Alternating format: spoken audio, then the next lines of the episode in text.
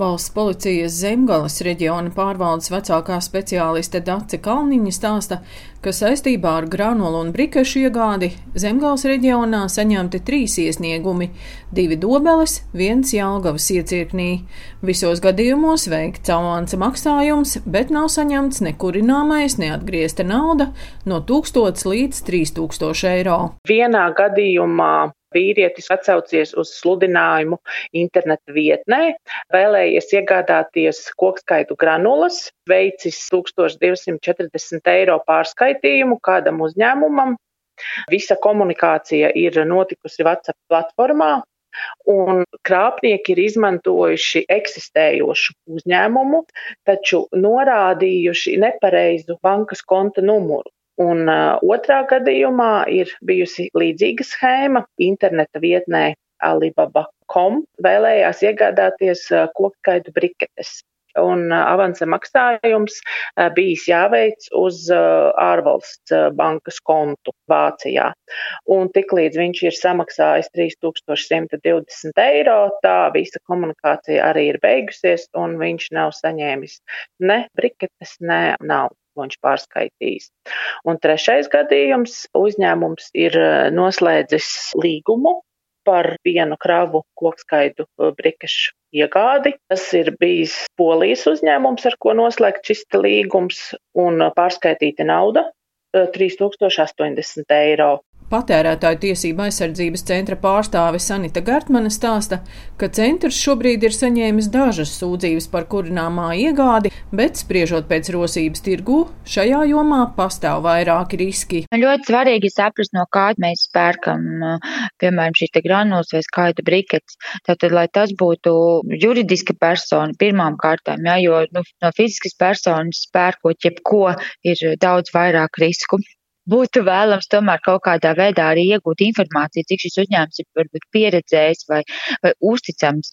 Mums ir bijuši patērētāju tiesību aizdzības centrā sūdzības par to, ka patērētāji it kā pasūta augstākas kvalitātes materiālu, bet tiek piegādāts zemākas kvalitātes materiāls. Līdz ar to tās nevar pat izmantot daļā no šiem tā apkurs katliem. Nu, un tad trešā lieta, kas būtu, protams, jāņem vērā, būtu šī apmaksa.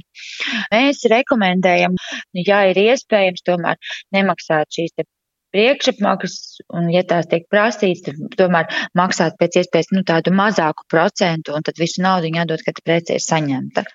Gan patērētāju tiesību aizsardzības centra pārstāve, gan valsts policijas pārstāve Dace Kalniņa aicina arī uzmanīties, ja pārdevējs piedāvā iegādāties kurināmo par krietni lētāku cenu nekā vidēji tirgū ja vēlās iegādāties briketes vai granulas par daudz lētāku cenu nekā ir vidēji tirgū, tam jau ir jābūt vienam no indikatoriem, ka tas varētu būt mēģinājums apkrāpt.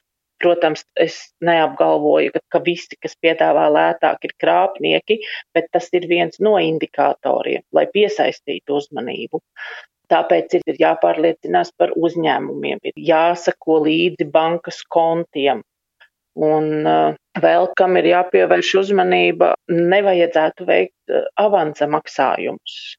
Līdz šim visos iesniegumos, kas policijā saņemti, pieprasa šos avansa maksājumus, un pēc avansa maksājumu veikšanas komunikācija tiek pārtraukta. Sanita Gārtmane problēmu gadījumā aicina iedzīvotājus vērsties arī patērētāju tiesību aizsardzības centrā. Jā, kaut kādas kopumā nu, pretenzijas, piemēram, par šo granulu kvalitāti, sākotnēji būtu jāvēršas pie komersanta ar iesniegumu, kas ir pārdevis šīs granulas, bet, ja ir kaut kādas problēmas saziņā ar komersantu, komersants nesazinās vai nepild savas saistības, tad noteikti var vērsties pie mums. Šobrīd valsts policija nav novērojusi masveida krāpšanu pērkot granulas un briketes, tomēr pēdējās divās dienās valsts policijas zemgals iecirknī ierosināti vēl divi krimināli procesi Tērvetes pagastā par kurināmā iegādi izkrāpti 6045 eiro, Jelgavā 3201 eiro.